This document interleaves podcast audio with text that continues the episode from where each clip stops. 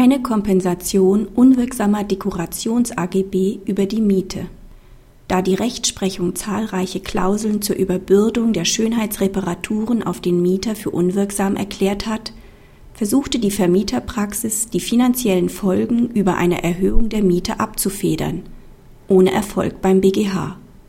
Die Vermieter des BGH-Ausgangsfalls halten die formularmäßig vereinbarte Dekorationsklausel angesichts der mittlerweile ergangenen Rechtsprechung für unwirksam. Daher verlangen sie vom Mieter, nachdem eine einverständliche Regelung nicht erzielt werden kann, die Zustimmung zu einer Mieterhöhung, die die ortsübliche Vergleichsmiete um einen Zuschlag für die Renovierungskosten übersteigt. Der BGH klärt, dass der Mieter seine Zustimmung berechtigterweise versagt hat. Nach 558 Absatz 1 Satz 1 BGB kann ein Vermieter nur die Zustimmung zur ortsüblichen Vergleichsmiete verlangen. Weitergehende Erhöhungsmöglichkeiten, insbesondere ein Zuschlag für die Durchführung der Schönheitsreparaturen, ist gesetzlich nicht vorgesehen. Die Miete soll sich an den Marktgegebenheiten orientieren. Eine Bezugnahme auf konkrete oder abstrakte Kosten kennt das Mietrecht nicht.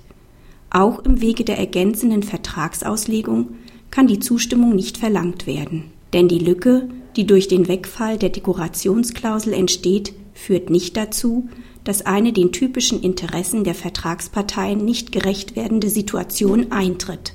Schließlich hat der Vermieter nach der gesetzlichen Leitvorstellung die Kosten der Instandhaltung zu tragen, so dass sich durch den Wegfall der Klausel nur die gesetzlich ohnehin vorgegebene Lage realisiert. Auch liegt kein Wegfall der Geschäftsgrundlage nach 313 BGB vor, der eine Vertragsanpassung rechtfertigen könnte. Denn der Vermieter als Verwender einer Formularklausel muss das Risiko von deren Unwirksamkeit tragen und befindet sich damit in einem Boot mit anderen Wirtschaftsteilnehmern wie Versicherungen und Banken. Die sich aus 306 Absatz 2 BGB ergebende Rechtsfolge verschließt den Weg zur Vertragsanpassung über 313 Absatz 1 BGB.